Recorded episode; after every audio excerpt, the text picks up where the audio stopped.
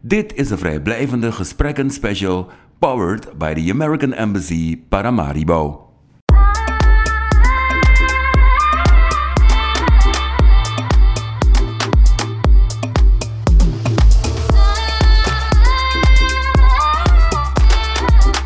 S AAA Talks, de podcast waarin we praten over de verschillende capaciteitsversterkings- en uitwisselingsprogramma's van de Amerikaanse ambassade Paramaribo.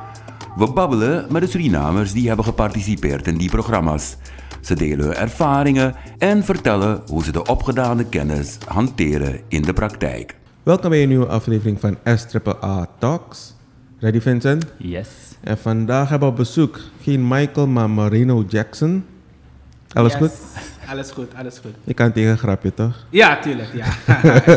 ik ben sowieso ook wel eh, een, eh, nou ik zou niet zeggen grapjas, maar ik kan ook wel gewoon echt grappen maken. Oké. Eerste vraag die we meestal de gast stellen is: wie is de gast? Dezelfde vraag aan jou: wie is Marino Jackson? Ik heb daarvoor verschillende antwoorden. Maar natuurlijk, je bent dezelfde persoon, maar hoe je het naar voren brengt.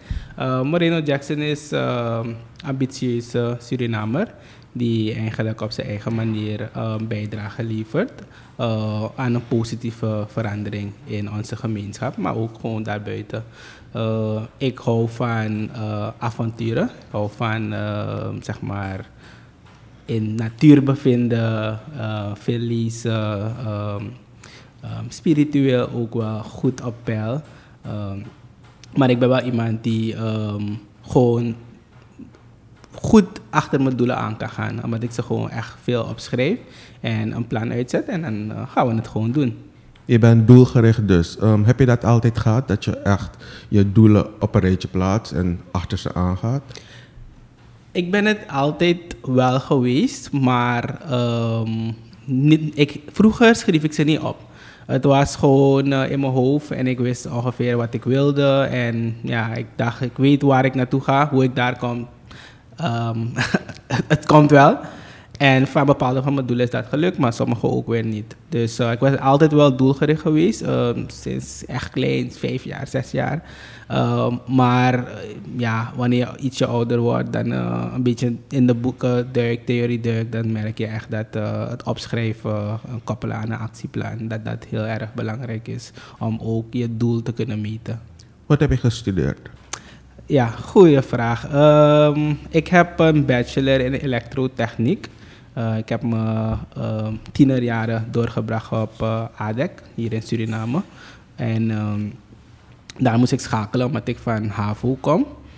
En ehm, uiteindelijk toen ik op ADEC, toen ik naar ADEC ging, had ik nog geen idee wat ik wilde doen hoor. Ik wist alleen, ik, ja, ik wilde gewoon iets technisch doen. Want ik had wel een technische, ik had de B-richting gekozen op Milo. Maar eh, ik dacht, ja, ik doe iets met eh, geologie of iets met eh, misschien infra. En wat ik heb gedaan op dat moment, ik had een aantal studenten gevraagd van, hey, wat is de meest uitdagende richting? En iedereen schreeuwde van, laat me zeggen iedereen, grotendeels zei, elektro, elektro, daar is echt uitdagend. En ik denk dat je het gewoon nu nog steeds kan valideren. En ik zei, hé, hey, ik hou van uitdagingen, ik ga dat doen. En eh, ja, dat is eigenlijk mijn drijfveer geweest om Gewoon het, het moeilijk, het Dus ze moeilijke te zeggen, gaan dat is zoeken. een uitdagende En dan ga je naar daar. eh, ja, studierichting Ah. en dan ga je daarvoor kiezen. Wie, wie- bedenkt dat? Ja, maar, maar ik niet kon kiezen toch. Dus ik kon niet kiezen, dus ik dacht, ik, I might as well, ik maak het gewoon een beetje spannend. ja toch? Aim high en ja. Nee, maar het is mooi. ehm, maar ik wil ook weten, Moreno, je bent een, ehm, hier geboren, getogen. Hoe waren je kinderjaren? Waar, waar ben je opgegroeid? Heb je nog broers en zussen? Vertel een beetje daarover. Misschien zelfs je hobby's, weet Ja. je? Ja, ja. ja ik ben eh, hier natuurlijk, wat ik zei, hier in Suriname opgegroeid. Ehm, ik, kom, ik zelf woonde vroeger in het centrum, heel dichtbij mijn huidige werkgever, dat is de IBS waar ik nu werk. Eh woonde aan de Drambrandesgracht, daar ben ik opgegroeid. Eh, hele leuke buurt. ehm, Toen was het nog een zandweg, hè? was een zandweg, ja, met de goot aan de overkant daar. Zeven. En eh, ja, daar mocht ik wel af en toe op straat om te spelen met mijn vrienden. maar ook met mijn broers. Ik heb een, een broer die een jaar ouder is dan me. En ik heb een broertje die een jaar jonger is dan me. Dus mijn moeder heeft het gewoon eh, achter elkaar Goed gepland. ons gemaakt. en we zijn ook de enige, dus mijn moeder heeft echt, ze heeft gewoon drie Jongens. zonen, Jongens, zonen, jongens, ja. En ehm, zo zijn we opgegroeid samen met mijn vader ook. Ehm, en op, denk op ons tiende ben ik zelf verhuisd naar Dijkveld. Eh, in de buurt van Staatsolie daar, raffinaderij. Daar ook wel een andere buurt, maar daar niet zoveel op straat gaan. eh, meer binnen blijven. ehm, ja, was ook echt studeren, weet je, lagere school. En eh, daarna heb ik op Quetta gewoond. En nu wonen we ehm, op Uitvlucht. Dus zo'n beetje verschillende buurten mijn jeugd opgebracht. Maar ik moet wel doorgeven dat we beide, of ja, we werkende ouders had, heb. En we, eh, ik samen met mijn broers heel veel tijd heb, opge, eh, heb doorgebracht op de crash. En dat heeft me heel veel gevormd, eh, omdat ik daar gewoon heel veel vrienden heb leren kennen. En ik ben sowieso dankbaar voor mijn jeugd crashjaren. Dat waren echt leuke jaren. Ja. In het voorgesprek zei ik al van ik ken je van de verschillende projecten die je in de afgelopen jaren hebt gedaan, een aantal. Ehm, ben je zo ook in aanraking gekomen met de Amerikaanse ambassade? Hoe is dat aan toe gegaan? Ja, het is anders omgegaan. Ik ben in aanraking gekomen met de Amerikaanse ambassade. En van daaruit zijn de projecten voortgevloeid. Vertel hoe. Ja. Ehm, ja, even kijken waar het verhaal staat op verschillende manieren. Maar ehm, eh, het was namelijk zo dat ik eh, werd geselecteerd om deel te nemen aan het ehm, Young Leaders of the Americas Initiative programma. Welke geïnitieerd was door eh, voormalig president Barack Obama. Ehm, en mocht ik dus vijf weken doorbrengen in Amerika, eh, in, een, in een bedrijf die zich gespecialiseerd heeft op zonne-energie, eh, zonne-installaties bouwen voor. ehm, eigenlijk hun specifieke focus is zonnepaneelinstallaties bouwen voor ehm, elderly, dus voor oudere Oké. ehm, ehm, mensen. Waarom? Omdat ze een studie hadden gedaan en het bleek dat dus die, de mensen boven 60 gewoon heel veel thuis zijn daar, veel elektriciteit verbruiken en dat ze dus voor hun heel erg voordelig was, is. En dat ze dus eigenlijk op die manier ook subsidie kregen van, of krijgen van de staat om dan hun eigenlijk een lagere ehm, energierekening aan te bieden. Dus dat heb ik doorgebracht. was heel leuk daar. Eh, ik denk dat we straks waarschijnlijk ietsje meer daarover kunnen vertellen.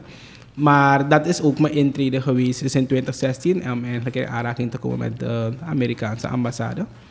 En ehm, ik ben heel proactief, ook al zeg ik het zelf. Ik ben er ook gewoon trots op. Eh, en ja, ik probeerde altijd ehm, gewoon mijn beste vers te zijn.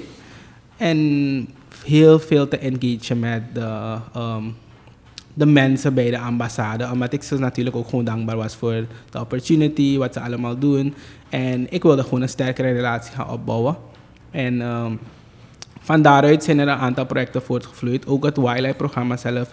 Hij heeft zoveel post-opportunities. eh, omdat ze zich heel sterk maken daarvoor. Eh, ze willen niet hebben dat je gewoon gaat en dan ga je terug en dan ben je klaar. Het was gewoon een trip. Nee. Ze hebben zoveel follow-up e-mails. eh, waar je nog meer kan applyen voor. Bijvoorbeeld travel grants, impact grants, reverse exchange grants. Ehm, dus ze hebben echt een pot en ze proberen dat zo goed mogelijk te allokeren. Dat ehm, de leiders die ze hebben helpen vormen, ook in hun community ehm, die impact kunnen, crea- kunnen creëren. En daar heb ik ehm, echt gretig gebruik van gemaakt. Ja, maar dat is heel mooi, want inderdaad, je, je bent nu heel actief. En het is mooi te horen, want dat wist ik ook niet. En voor de luisteraars is dit, dit belangrijk. Dat doordat je dat programma bent gaan volgen, ben je nu ook zo actief met al je projecten.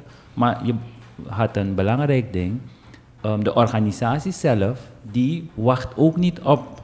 Die stimuleert je om Ja, dat te doen. inderdaad. En eh, dat het dus, je noemde het zo, nou, want vaak zijn het zijn races bij ons, snoepreisjes, je weet ook bij de overheid denken. Maar jij geeft het goede voorbeeld samen met de Amerikaanse ambassade om dit te doen. Deze gesprekken zijn er ook om jongeren te inspireren om mee te doen.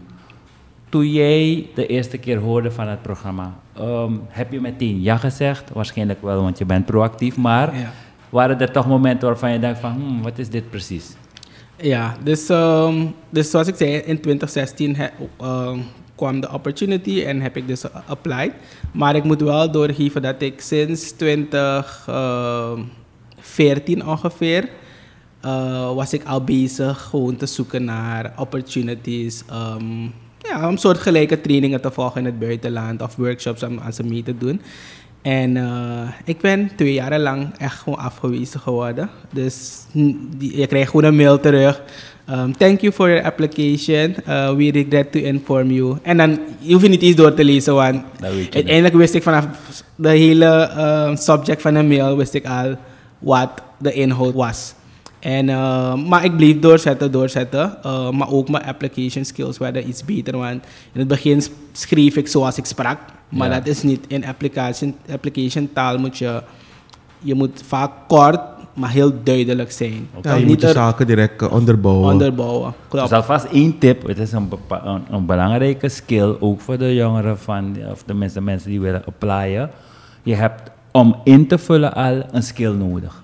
Klopt, klopt. Daar heb je sowieso een skill nodig. En ehm, kijk, veel van die applications vragen ook, wat doe je nu al in je community? en dan vaak als je ook ergens naartoe wil gaan en je niet, nu al niets doet, dan denken ze, hoe creëer je een impact met de, de, wat je nu al je hebt. nu. Toch, je hebt nu mensen om je heen, je hebt een bepaalde kennis. Maar als je alleen gaat zeggen, nee, nu doe ik niets. Maar als ik van jullie dingen, van jullie programma kom, ga ik alles veranderen. Ja, Ze is een beetje wishful thinking. Dus ook in 2014 ben ik toegetreden tot GCI. Junior Chamber International. Organisatie waar ik dus heel veel heb geleerd om ook projecten te schrijven, maar ook projecten uit te voeren. Dus ook die projecten die ik daar heb ehm, kunnen uitvoeren waren ook ehm, showcase Ja. eh, materiaal.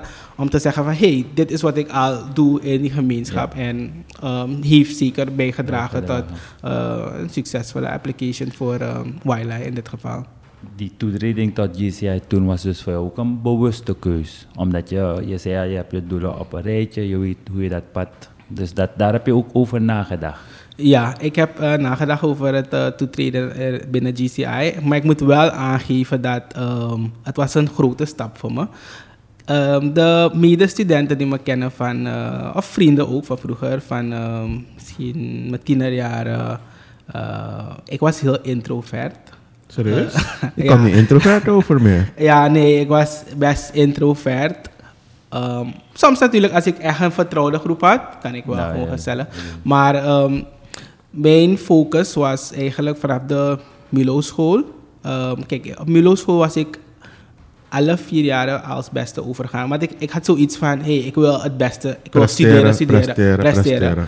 maar eh, ik denk dat het ergens ook een beetje ongezond werd, want ik wilde alleen maar studeren, studeren. En bijvoorbeeld op ADEC, ehm, s- ja, ik volgde les, maar ik had een speciale plek in de bibliotheek. Eh, dat is in de stille ruimte. Toch? Daar is een ruimte, er waren twintig plekken daar. En ehm, je moest een nummer pakken om, op, om ergens te gaan zitten, want ja, zeg maar een paar plekjes. Dus ik, ik nam altijd nummer 7. En ik bracht het zelf naar huis mee, zodat ik de volgende dag zeker kon zien dat ik weer een plekje daar kon hebben. Dus ehm, ja, niet echt Gezond. Maar. Maar eh, ik heb het gedaan. ehm, maar en ik was heel veel alleen aan het studeren. En ehm, toen vroegen medestudenten me ook van... Hey, kan je ons helpen? Want eh, we zien dat je het wel snapt. Meerdere mensen snapten dat, laat me dat ook gewoon goed zeggen. Maar ik... toen al ging ik veel op YouTube. En bijvoorbeeld wat we op school leerden, of op, op ADEC leerden, zocht ik ehm, andere video's van mensen uit India.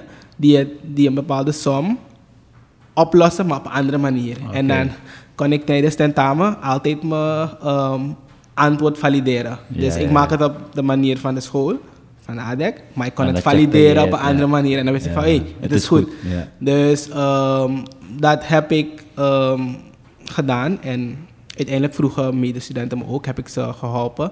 Ze moesten wel een tijdslot kiezen van, hey, als ik... Je was toen al zakelijk bezig. Ja, ja, ja. nou, maar als ik nu eraan denk, het was echt leuk. Want eh dan was ik in een stille ruimte. En dan hebben ze bijvoorbeeld een afspraak in de normale ruimte. Oh, ja, dan van, ga je eh, even dan ga ik eruit, twee Ja. uur, dan wachten ze al op je. Ja. Dan kom je, daar leg je ze uit, een uurtje.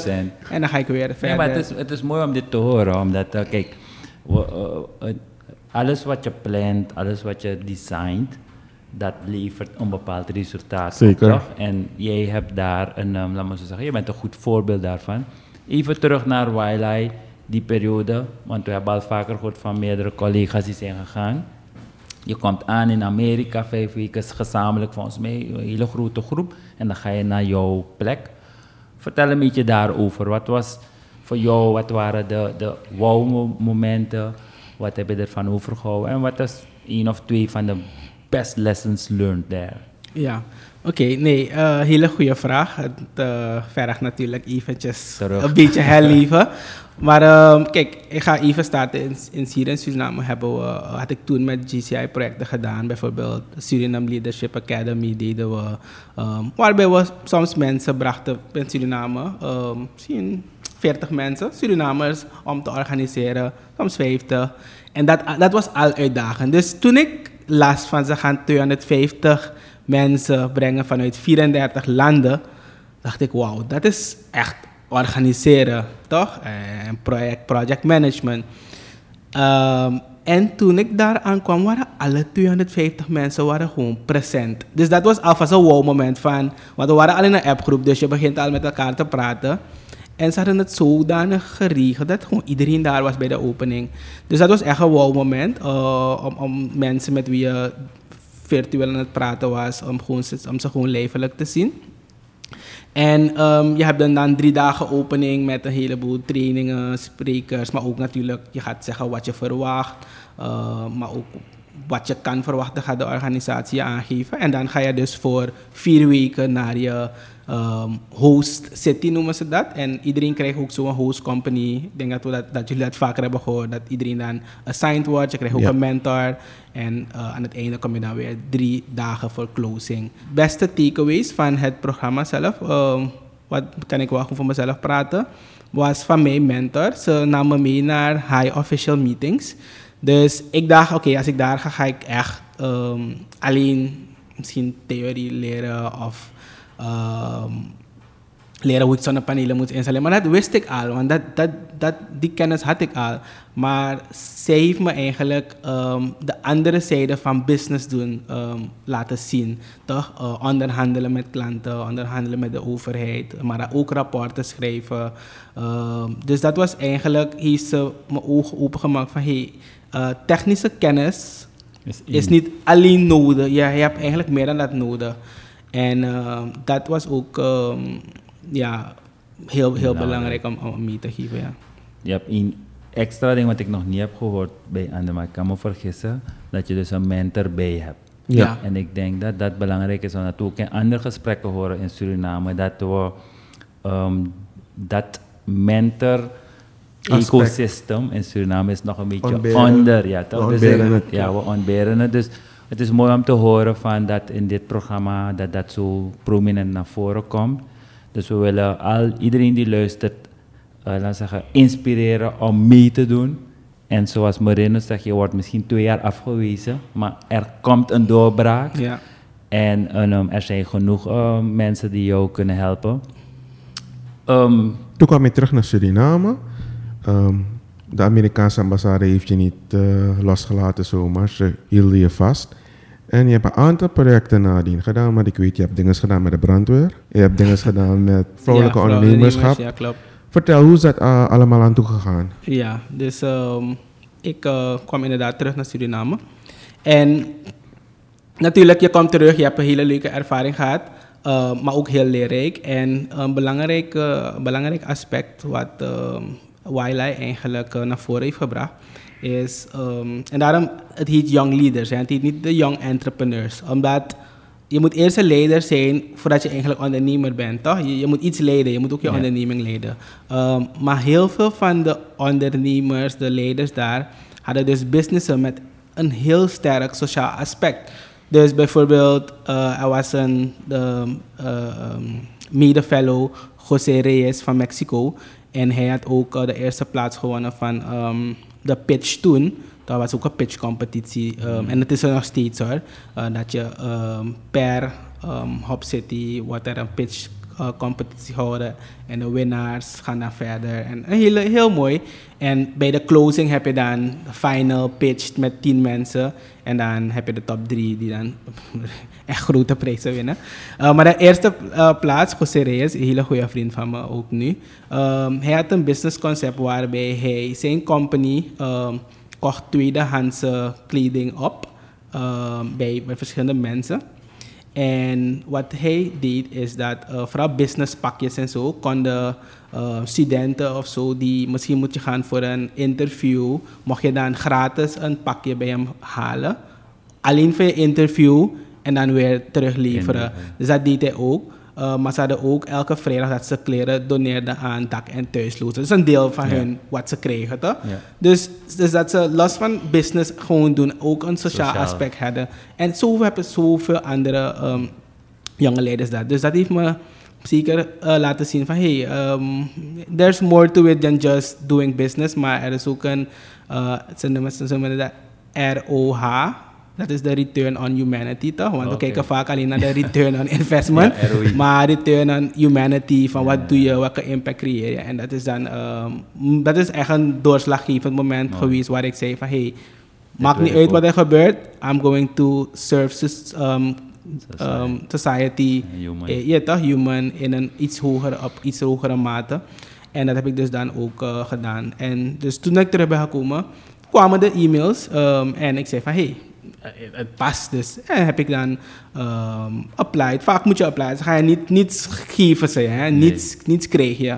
Die Je moet- opportunity krijg je. Je moet applyen en dan word je geselecteerd. Je moet Dus applyen en dan word je ja. geselecteerd, ja, maar dat is dus wel goed dat je dus eigenlijk elke keer wel in de, de, door de selectie gaat. Dus dat betekent dat je iets heel goeds doet. Ja, toch? Want, eh, en dat is ook een belangrijk aspect van dit ding. Dat, wat je zegt, niets is gratis. Ja. Dus je moet je inzetten. Moet je inzetten, Wat ja. ik waarschijnlijk ook mooi vind eh, bij jou, want je zegt eh, een paar dingen ken die al, maar je, staat, je stelt je toch open om Ja, nog meer om te nog leren. meer, klopt. En dat is heel mooi.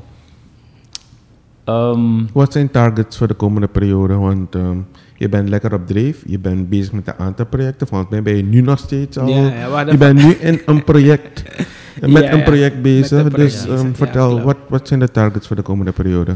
Ja, eigenlijk moet ik toch nog even antwoord geven op je vorige vraag. Welke projecten ik eh, een beetje heb gedaan. Ja, vertel toch? even Ehm, daarover. Ja, dus ehm, ik heb een project gedaan. Eh, dat was een van de eerste. Dat deed ik samen met eh mede-fellow Ashna Mahepal. Zij had een reverse exchange grant ehm, award gekregen. En ik had toen ook applied, maar ik had het niet gehad. Dus maar wat ze sowieso hadden is per land hadden ze dan één, één, één award en zij had het toen gehad. En ik zei, hey, iemand heeft het van ons land. Want als je land niet applied, dan krijgt niemand het. Dus sowieso was ik heel blij en ik zei van dan ga ik jouw project joinen. Dus dan toen eh, hebben we dus dan eh, dat helpen organiseren. Eh ging over aquaponics.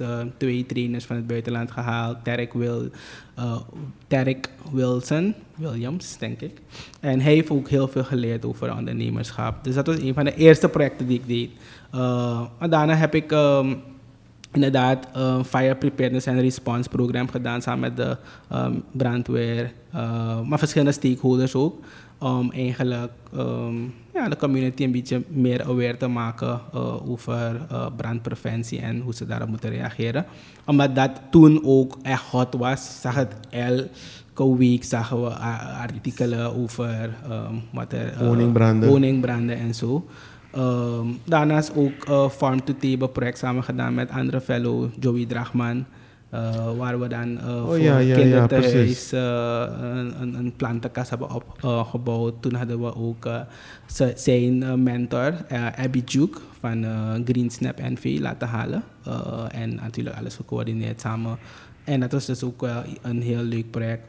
waarbij we dus eh, eigenlijk hadden gekozen van oké, we kunnen eh te huis gewoon bijvoorbeeld eten geven voor twee dagen. Maar als we ze leren planten, dan is het altijd. dan hebben ze die kennis vooral altijd. Want als je gaat kijken naar hoe groot je plantenkast is, je plantenkast is niet groot genoeg om iedereen te voorzien. Maar het gaat niet alleen om het voorzien, het gaat om die kennis die ze opdoen. Maar ook gewoon dat ze zorgen voor iets en iets zien bloeien. Dat ze die mindset meenemen voor, hé, als ik iets wil laten groeien, moet ik het aandacht geven, moet ik het wateren.